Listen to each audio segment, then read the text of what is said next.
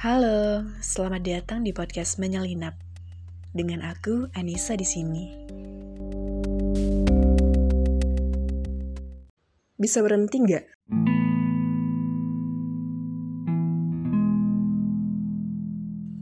Begitu teriak saya pada diri sendiri saat isi kepala lagi-lagi berisik. Saat ingin tidur tapi tak kunjung terlelap. Dulu, waktu kecil saya pikir menjadi dewasa adalah fase terbaik dari hidup. Kita nggak butuh perlindungan lagi. Kalau mau ke mana-mana nggak perlu minta izin kita bisa ngelakuin semua hal yang kita suka. Ternyata tidak. Ada begitu banyak proses yang tidak digambarkan oleh orang tua kepada anak-anak kecil. Ada banyak misteri yang berhadapan dengan matinya keingintahuan. Kadang, saat dewasa kita lupa bagaimana caranya hidup untuk diri sendiri sering berpatokan pada penilaian dan pencapaian orang lain. Kalau kita begini, gimana kata orang? Kalau kita begitu, apa nggak ngecewain orang ya?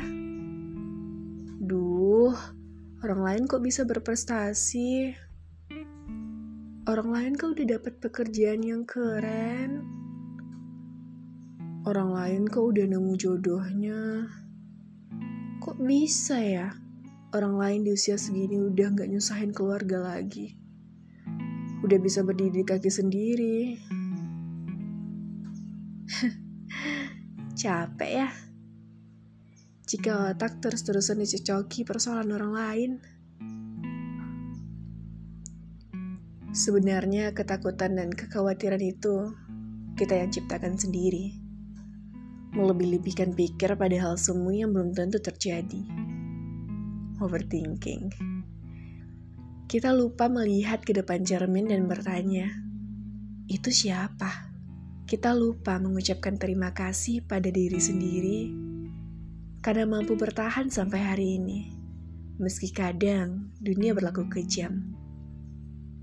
Kita lupa untuk melihat ke bawah kaki dan mengerti bahwa ada begitu banyak hal yang bisa kita tunaikan.